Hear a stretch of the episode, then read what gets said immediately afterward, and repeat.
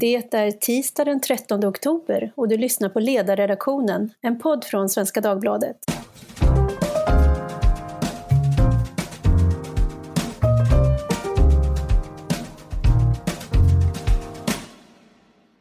Jag heter Tove Livendal och idag går det på DN Kultur att läsa ett långt läsvärt reportage under titeln Varför fick de äldre dö utan läkarvård?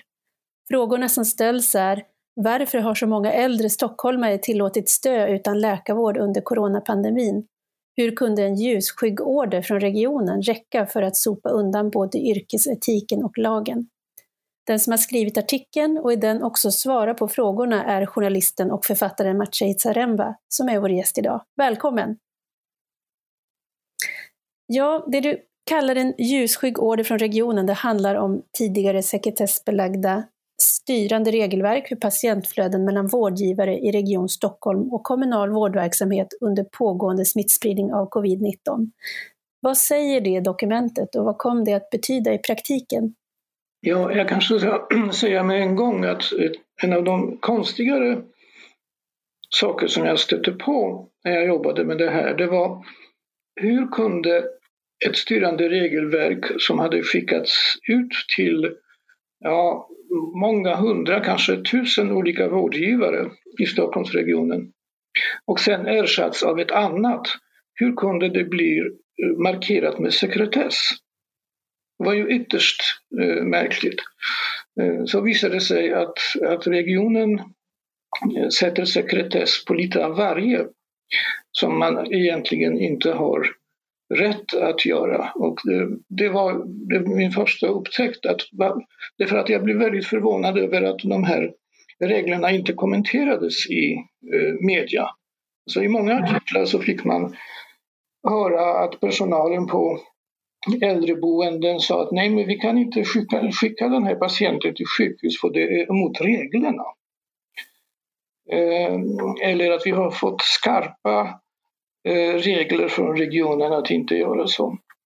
Vad som står i det här styrande regelverket är eh, förutom eh, en del rent vårdadministrativa föreskrifter det står en medicinsk prioritering vid rubriken och denna prioritering bygger på Eh, alltså vårdgivarna anmodas att tillämpa någonting som heter CFS.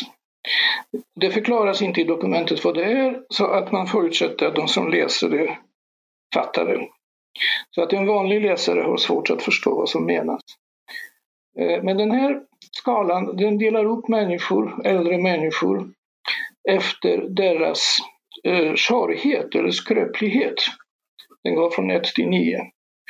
Och då framgår det av den här skalan att eh, de som har eh, siffra högre än eh, 4, det vill säga från 5 till 9, de ska i princip stanna där de är. De ska inte eh, skickas till eh, sjukhus om de blir sjuka. Det ska inte tas några prover utom i undantagsfall och det ska inte tas några röntgenbilder. Eh, ungefär så.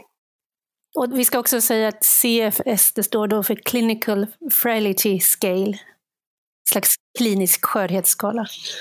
Klinisk skörhetsskala som eh, egentligen är ett statistiskt eh, instrument. Alltså man kan använda det för att planera till exempel ett framtida vårdbehov när man vet hur många gamla människor som eh, lär ha svårt att klara sig själva.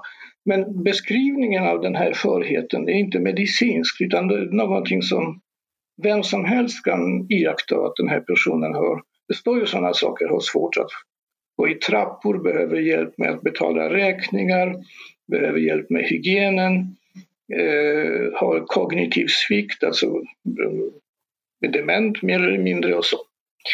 Och då visar det sig att eh, den här skalan har verkligen tillämpats på det sättet att personalen och även en del läkare har funnit att en person som är så pass eh, svag ska helt enkelt inte erbjudas, som det står i det här dokumentet, högre vårdnivå. Och som jag förstår så tolkades det här högre vårdnivå som praktiskt taget allt utanför äldreboendet, det vill säga eh, till exempel eh, extra syre eller dropp eller blodförtunnande medel. Det framgick av reportagen i DN att, att när anhöriga protesterade så var det just de här sakerna alltså, som deras gamla föräldrar inte fick när de behövde. Och det fanns ingen som hade stämt av den här CFS-skalan som kom att Eh, bli styrande för beslut om behandling med i vilken grad de här patienterna också skulle kunna svara på en covidbehandling? Ja, så det där, den här skalan eh, används ju också för att kunna förutse på gruppnivå eh, nyttan av eh, medicinsk behandling. När man kommer högt upp på skalan då, eh, då har människan i regel flera kroniska sjukdomar. Och då kan det vara väldigt rationellt att säga att, att eh, eh, den här personen kommer förmodligen inte klara sig när vi kopplar bort respiratorn. Och då är det inte så meningsfullt att koppla på respiratorn. Men problemet med det här dokumentet det är att det framgår inte att den här bedömningen ska göras av en läkare. Och det framgår inte heller att om det nu är en läkare att det ska göras eh, kliniskt, det vill säga eh, närvarande läkare. Så att som jag uppfattar det här så är, blev de här reglerna en frisedel för de bolag som sköter äldre, medicinska ansvaret för äldrevården att ransonera sina besök. Eh, och därför har vi fått ett antal eh, horribla beslut, inte minst om att helt avstå från medicinsk behandling som gjordes per telefon. Eh, men går det, går det att göra någon uppskattning på hur det här har liksom påverkat i praktiken om man tittar till antal fall? Nej, det tror jag inte. Jag frågade den här ansvariga enhetschefen på Eh, regionen om de har intervjuat, eh, för de säger att de, de gör en, en utredning, de utreder ju själva eh, hur det här har verkat, om de har intervjuat personal på äldreboenden för det, där, det, var ju där de här besluten fattades och av de läkare som betjänar dessa äldreboenden. Nej, det gör man inte. Utan man tror att man ska kunna få fram Eh, en bild genom att studera journaler. Så att det går inte. Det, det här är tror jag någonting som det kommer ta tid att eh, få reda på. Men bara av mängden eh, enskilda fall som har förekommit i, i rapporteringen, alltså i Dagens Nyheter och i andra tidningar, inte minst i Eskilstuna-Kuriren som har gjort ett väldigt bra jobb här, så kan man misstänka att det var väldigt många anhöriga som fick kämpa för att deras eh, eh, släktingar ska få den vård som de har rätt till. Mm. Och då är det lagbrott? Man har fått ordinerats palliativ vård utan att undersökas av läkare? Ja, alltså eh, om man säger så här istället för att vara exakt. Att avstå från medicinsk behandling utan, eh, utan en klinisk undersökning är i de allra flesta fallen lagbrott. Men man kan tänka sig att en läkare som känner en patient väldigt väl och sedan länge kan ta ett sådant beslut eh, utan, eh, utan undersökning, men det är undantagsfall. Det här är fall inte aktuellt i, i de här fallen därför att när det gäller medicinsk omsorg på, på de här särskilda boenden så, Eh, så går det 270 patienter per doktor och jag tror inte att det är möjligt att ha en djup och lång kännedom om patienten i det läget. Mm. Vi har ju en situation där vi ganska ofta stöter på att, att man skyller på varandra inom offentlig förvaltning och är det ansvar för dödsfall så är det ju naturligtvis ingen som vill ta på sig det. Och regionrådet Anna Starbrink hon uttalar sig i dagens eh, eh, Svenska Dagbladet med kritik mot de borgerliga kollegorna i Stockholms stad för coronamisslyckandet i äldreomsorgen. Och när hon då får frågan om att äldre har fått palliativ vård istället för livsuppehållande, uppehållande, då säger hon så här. Det måste vi analysera väldigt noga. Det har ju hela tiden varit lediga platser på intensivvården. Det har inte funnits anledning till någon annan prioritering än den normala när man gör medicinska bedömningar. Men det, har det slarvats och gjort felaktiga bedömningar som drabbat människors liv och hälsa är det väldigt allvarligt. Det är otillständigt om det har hänt. Och så tillägger hon, det är supertydligt att vården ska ges efter behov och efter individuella medicinska bedömningar. Men har man istället gjort generella bedömningar där läkaren kanske inte ens varit på plats är det jätteallvarligt. Om det stämmer har det begåtts ett mycket allvarligt fel. Det ska granskas av IVO och i regionen ska vi göra en egen noggrann utredning. Vad tänker du om hennes kommentar? Ja, det är ett fantastiskt självporträtt av eh, regionens Eh, vad ska vi säga, politiska kultur. Hon är ansvarig för det dokumentet som vi nu pratade om, det här, de här styrande regelverken. Och när jag frågade henne om, det, om det nu är så att hon kanske inte har läst det, känner hon sig ändå ansvarig för det? Ja, absolut. Och nu påstår hon att eh, om det nu har, och det här dokumentet prioriterar ju helt klart och ger klartecken åt läkarna att bedöma patienter utan eh, undersökning. Eh, så att eh, jag måste säga att det här är det mest stötande som jag har hört från en sjukvårdspolitiker. Ja, för du läser ju högt ur dokumentet för henne. Ja, visst. Och hon reagerar då med förvåning? Ja, ja. Nej, men alltså, jag tror inte att hon har Eh, läst det utan hon hänvisade till sina eh, fackkunniga tjänstemän. Hon ansåg att det här var medicinska bedömningar.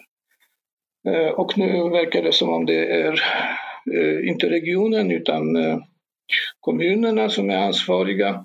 Men låt oss inte glömma att de här läkarna som betjänar äldreboenden, de arbetar nästan alla på kontrakt eller efter avtal som de har slutit med eh, regionen. Och då är det regionens ansvar att det här avtalet är adekvat och att de också ser till att det följs. Och det vet jag att man inte har gjort. Jag har nämligen frågat den ansvarige för de här avtalen om de har utan de förutsätter i sin tur att läkarna gör eh, sitt bästa. Så att Ansvarsfördelning ser ut så här att regionen skickar ut demoraliserande riktlinjer och sedan hävdar att det ändå är de enskilda läkarnas ansvar att de eh, lever upp till läkaretiken och lagen. Det här är en fullständigt ohållbar situation. Och du talar också med oppositionsregionrådet Tala Kurdi från Socialdemokraterna som också tycks lika ovetande om vad det här innebär i praktiken? Nej, de har inte satt sig in i det här. Eh, hon säger också, jag kan ju inte styrka det, men Arkoudi säger att hon minns att eh, den här punkten föredrogs eh, på, i hälso och sjukvårdsnämnden. Det går tyvärr inte att veta vad som sades för att det var under punkten information. Och den punkten, hör och häpna, protokollförs inte. Eh, och, men hon minns att ingen hade någonting att invända. Jag vet inte, minns inte hur många de är där, men det är flera tiotal som sitter i eh, denna nämnd. Så att politikerna har tydligen eh, lyssnat på det här och så sagt, har de sagt okej okay, utan att förstå vad de godkände. Jag satt och funderade på, jag har ju en kort eh, erfarenhet för många år sedan av att sitta som kommunalt förtroendevald. Jag satt i en teknisk utförarnämnd. Och jag tyckte att det var otroligt svårt därför att ja, vad var jag, 24 år och eh, vi satt och fattade beslut om eh, sophämtning och vägunderhåll och sådana saker som jag inte hade någon sakkunskap om. Jag skulle ha behövt vara civilingenjör tror jag för att kunna ställa begåvade frågor. Jag hade behövt ha mer livserfarenhet för att kunna ställa kloka frågor även som lekman. Så att jag kände nog att det där var Ja, jag kände mig frustration över att vara i ett kunskapsunderläge men ändå ha ett politiskt ansvar även om jag då satt i opposition. Eh, och det är, det är det här liksom som jag funderar på när, man, när vi tittar på vad som händer i praktiken, att beslut har fattats men de som har fattat beslut har inte haft kännedom, verkar det som, om vad de har beslutat om. Eh, och så, så där blir ju frågan, sen kan man inte avsvära sig ansvaret även om man, då får man se till att ställa de här eh, då, frågorna tills man förstår vad det är man beslutar om. Men hur tror du att det är möjligt att det blir så här? Vad är, vem, vem är det som har drivit fram dokumentet och som på något sätt har en ägarskap för att den en gång skrevs? Förlåt mig först eh, eh, kommentera det du sa från början, för jag tror att det är, du slår huvudet på spiken. Du var för ung och du var för okunnig för att kunna vara en bra politiker i det här läget, en bra oppositionspolitiker. Men vi har nu fått en kultur där vem som helst kan bli eh, sjukvårdsregionråd. Eh, eh man behöver inte ha någon som helst eh, bakgrund, man behöver inte kunna någonting, det räcker att vara folkvald. Eh, en, en person i den ställningen som hade haft medicinsk utbildning skulle förmodligen eh, ställa en väldigt massa besvärande frågor till författarna till det här dokumentet. Eh, och det hade blivit en diskussion. Och man hade eh, ifrågasatt det. Så att eh, vår kultur som tillåter helt fackinkompetenta personer att ha de högsta beslutande eh, rättigheterna. Det må vara sen eh, minister eller sjukvårdslandstingsråd eller regionråd som det heter. Den kulturen är ett, ett av skälen till att det har blivit på det sättet. Vi har ju verkligen gått ifrån eh, merittänkandet. Utan det anses att en person som är bra på att styra och leda kan styra och leda vad som helst. Utom, och det sista, den sista anhalten, det är möjligen den tunga industrin och tidningarna. För att jag tror inte att vi skulle vilja ha en kommunpolitiker som chefredaktör. Det hade inte funkat. Man måste veta vad journalistik är för någonting. Men man måste tydligen inte veta vad sjukvård är för någonting. Mm. Jag funderar på det, för att eh, du skriver ju också här om Kristoffer eh, Bernskiöld som är enhetschef för allmänmedicin och geriatrik och har ett gigantiskt ansvar. Och du diskuterar just frånvaron av, av meriter som man skulle kunna tänka sig att man kunde behöva i ett sådant uppdrag. Ja, alltså han har inte ens de meriter som fanns när tjänsten utlystes, för det krävdes högskoleexamen. Eh, han var faktiskt den enda bland de som sökte som inte hade högskoleexamen, vad jag kan se. Eh, och eh, han, han var en arbetslös politiker som kollegorna i politikerskrået erbjöd en, en reträttpost som högsta ansvarig för stockholmarnas hälsa. Mera kan jag inte säga. Mm. Jag menar, jag, jag vill inte kasta allt ansvar på honom, men jag tycker inte att han, bo, han borde ha haft omdöme att inte söka det jobbet. Eh, och eh, regionen borde ha omdöme att aldrig, det är faktiskt mot reglerna också. Man, man måste ju leva upp till tjänstebeskrivningen rent formellt. Men jag mm. tror inte att det är särskilt ovanligt, i synnerhet inom, inom regionalpolitiken, att, man, att en politiker utan vidare kan eh, bli facktjänsteman. Men en, en, fråga där då, för det där är ju intressant. Dels eh, om, om vi bortser från eh, för en stund det faktum då att man tillsätter någon ut, som inte uppfyller de formella kraven och meriterna, så tänker jag att det är ju stora politiska organisationer och jag, jag bara försöker fundera på hur det kan komma sig att man att man rekryterar så som man gör, om det inte kan handla om att man uppfattar att någon har en systemkompetens. Alltså det är en street smart person kanske som är van att ta sig fram i politiska miljöer och att man bedömer den kompetensen, den kanske inte sätts ut på papper, men att man bedömer den som viktig. Ja, det tror jag. För att jag blev ju själv lite häpen när jag såg att, att det borgerliga, den borgerliga eh, regionorganisationen anställer en ledande socialdemokrat mm. som chef men eh, när man tittar på hur han presenterar sig för sina kommande arbetsgivare så är han mycket noga att påpeka eh, att han har jobbat för den och den ministern. Eh, så att eh, jag tror att de tänkte att men det kan vara bra att ha försänkningar i kanslihuset. Eh, och någon som vet vem man kan prata med och så. Mm. Medan jag utgår ifrån att i den här positionen så måste man ha fackkunskaper eftersom annars förstår man inte eh, vad man skriver under. Och, eh, vilket är ju helt eh, relevant i det här konkreta fallet med de här styrande riktlinjerna. Mm. Och kanske, och kanske är det väl så att i vanliga fall då är systemet kanske så tillräckligt stort så att i den vanliga vardagen så så, så sköter sig saken ändå. Jag kan också tänka mig att sådana systemsmarta personer också kan göra en del saker därför att de har inte respekt kanske nog för, för professionen eller så för att ändå kunna komma in och göra saker som, som ger dem uppskattning. Men sen så kommer en sån här kris som corona utgör och då blir det väldigt uppenbart om du inte bottnar i fundamenten som, som eh, professionen vilar på. Ja, fast eh, du har rätt, men jag tror att, att eh, det här problemet var ju synligt länge, eh, långt före krisen. Alltså, med problemet menar jag att de som styr sjukvården faktiskt i detalj i regel eh, inte vet särskilt mycket om hur det fungerar. Jag skrev för några år sedan en artikelserie om, om de prislistor som dåvarande landstinget hittade på för att styra framförallt då inte bara både sjukhusens och, och primärvårdens arbete. Och de här prislistorna eh, vanställde ibland fullständigt de medicinskt vettiga arbetsmetoderna. Det är för att de var skrivna av människor som inte förstod hur en eh, läkarmottagning fungerar.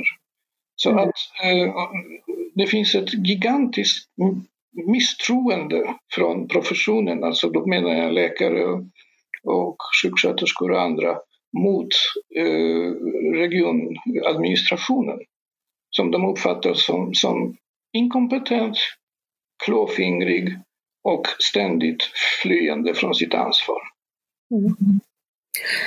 Och det, är, det där just med flyende från ansvaret, det, det blir ju så uppenbart därför det, jag tänker på den här katten på råttan och råttan på repet, att när du konfronterar olika personer så, så stannar det aldrig ansvarsfrågan hos den du frågar, utan den skickas vidare. Nej, jag kan säga det konkret. Jag frågade den här enhetschefen, men vad fanns det för utrustning på när ni nu bestämde för att tala om för äldrevården att de sjuka ska helst stanna där och inte skickas till sjukhus. Då fanns det eh, adekvat utrustning på plats. Ja, det vet jag inte, säger han. Ja, men eh, till exempel saturationsmätare, du vet sådana här fingerklämmar där man kan se om personen har, får för lite syre. Det, den får plats nästan i fickan. Ja, jag vet inte om det är vårt ansvar eller kommunens. Och jag menar, att säga så efter sju månaders pandemi det säger någonting om hur det här systemet är uppbyggt. Du, det är ju, jag tänker att det är lite grann en perfekt storm, men det är, för det är många saker som samverkar till det, den situation vi har. Och du skriver också att det inte får finnas en medicinskt ansvarig läkare på, på äldreboendena. Kan du berätta varför det är så? Ja, jag måste säga att när jag först såg det här så studsade jag. Det var flera månader sedan som någon eh, kommenterade att det var ju på det sättet. Situationen är den att vi har ett lagligt förbud för kommuner att anställa läkare. Man tror inte sina ögon när man läser det här.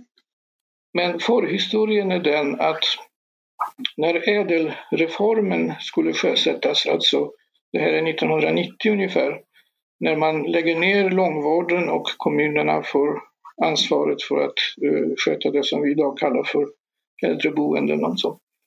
Då tyckte de flesta remiss, eller då tyckte utredningen också att, att i det läget så borde kommunerna få eh, ta hela eller delar av primärvården, alltså vårdcentralen och så, eftersom de fick så stort eh, medicinskt ansvar. Och eh, den som protesterade mest våldsamt mot detta var land, dåvarande landstingsförbundet. de vill absolut inte lämna ifrån sig ensamrätten på att anställa läkare. Det fanns, vad jag, som jag kan se, jag har läst de här remissvaren, det är inte många rationella argument utan det är mest sårad, sårat revirtänkande. Och de lyckades få vännerna i partistyrelsen, eh, det var ju Socialdemokraterna vid makten, att köra över utredningen. Och till och med att i lagen skriva att en kommun får inte anställa en läkare. Jag misstänker att Sverige möjligen är ensamt i världen om en sådan skrivning.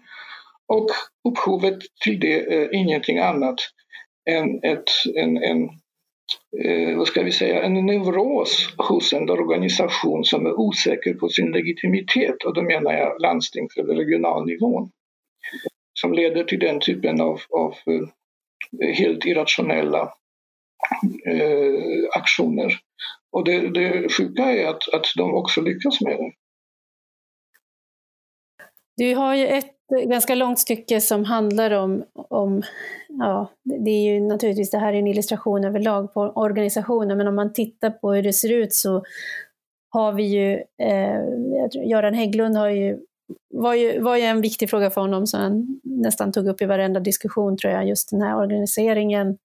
Du kallar det för 20 furstendömen med varsitt parlament, datasystem för sjukjournaler och varsin byråkrati som producerar tonvis med direktiv men saknar engångshandskar när det gäller. Och där har, berättar du också att bara hos en region, Region Västmanland, så det är inte så att det saknas dokument eller tankar om hur man ska organisera det här. Det finns tre strategier, 20 policies, 264 riktlinjer och 281 handlingsplaner. Eh, ja. så det, det, är uppenbart inte där det sitter. Det är inte så att de tänker för lite på vad de gör, utan det är kanske frågan de här om just revir och att det saknas känslan av att jag äger den här frågan. Men jag tror att ett av de största problemen här, det är ju att varför det är så, det som vi nu beskriver, det är att, att regionerna eller landstingen eh, är någon slags demokratisk limbo. Jag lovar dig, om man ställer sig på gatan och frågar folk eh, vem är sjukvårdsansvarig i Stockholmsregionen så kommer många inte veta eh, vare sig namnet på personen eller ens vilket parti det är. Eh, utan vi har de här eh, gemensamma valdagarna, vi väljer kommun, landsting och riksdag och folk röstar slentrianmässigt. Om man bara att, att skilja på valdagarna skulle göra skillnad för då skulle mm. plötsligt landstings eller regionpolitikerna tvingas bedriva en egen valkampanj. Vad jag försöker säga är att, att det finns väldigt lite av medborgarkontroll över landstingen. Det är därför till exempel en sån här skandal som Karolinska kunde passera utan att de politiskt ansvariga fick gå, utan samma parti Eh, vid makten. Jag tror inte att det hade gått i en kommun. Alltså, kommunen har trots allt, den är ju gammal, eh, det är nära, man känner sina kommun kommunalpolitiker, folk engagerar sig, eh, det finns ganska mycket transparens. Eh, så där kan sådana här byråkratiska svulster inte riktigt frodas. Så det är lite grann, det är vårt eget fel att vi har eh, tolererat den här ordningen av eh, lättja eller vad det nu kan vara. Men jag tror att det är själva eh, den springande punkten. Alltså det, jag är inte så hågad att skjuta på individer. Jag kan se hur en, hur en osund organisation kan, eh, kan få vettiga och kompetenta människor att så småningom bete sig irrationellt. Alla system skapar ju incitament inom sig såklart. Vad har du fått för reaktioner på artikeln idag? Ja, jag har inte riktigt hunnit svara på alla. Eh, men, eh, men det, man kan ju sammanfattas ungefär med tack, äntligen och så. Det är ju så att jag ska inte eh, överdriva min egen roll. Jag har i stort sett bara ställt samman vad andra har tagit fram och försökt få någon slags eh, linje och konsekvens eh, i det hela. Men, men det verkar ju vara precis det som, som behövdes i det här läget. Landstinget har kommit ut med ett pressmeddelande som går ut på att, att allt är som det borde vara och att mina artiklar är en förolämpning mot, inte mot dem naturligtvis, för de är inte ansvariga för någonting, men för personalen på, på äldreboenden som tydligen har enligt mig eh, begått några fel. Men det vill man inte mena har hänt. Du har ju hållit på och granskat makten och systemet från olika håll och på olika, i olika delar i, i decennier. Vad, vad skulle du säga är din drivkraft för att fortsätta göra det? Ser du att det leder till förbättring? Ja, ibland lite grann. Annars hade jag inte uh, hållit på. Men, men måste jag säga att det, det, har ju funnits artiklar som jag har skrivit på ren ilska. Uh, utan något hopp om att det ska uh, ändra någonting. och det är inte det sämsta. Man kan behöva, man behöver få, få det ut, som min kollega Maria Ludvigsson brukar säga ibland. Ja, men jag tror här, om jag får ändå använda det här fina forumet i Svenska Dagbladet, så att det finns e-, ett stort hinder för att reformera det här är ju faktiskt partipolitiken i den meningen att många kloka personer, Mats Svegfors bland andra, har ju gjort utredningar och kommit fram till att det här med, med, med den här tredje nivån eh, inte är särskilt rationellt och kanske rent av skadligt, alltså vi talar om regioner och, som styr sjukvården och trafiken. Eh, men sen så har det alltid stupat på att det finns ett så starkt partiintresse i att ha så pass många förtroendevalda och också tjänstemän eh, sysselsatta på denna nivå. Jag kan förstå att det för dem kan vara livets mening men det faktum att, att det är så partipolitiskt folkbemängt gör det nästan omöjligt att eh, reformera. Det skulle behövas eh, en, en stor vad ska vi säga, mentalitetsförändring för, för att vi ska kunna få bukt med den här ansvarslösa konstruktionen. Och finns det, ser du något hopp för att en sån skulle kunna uppstå?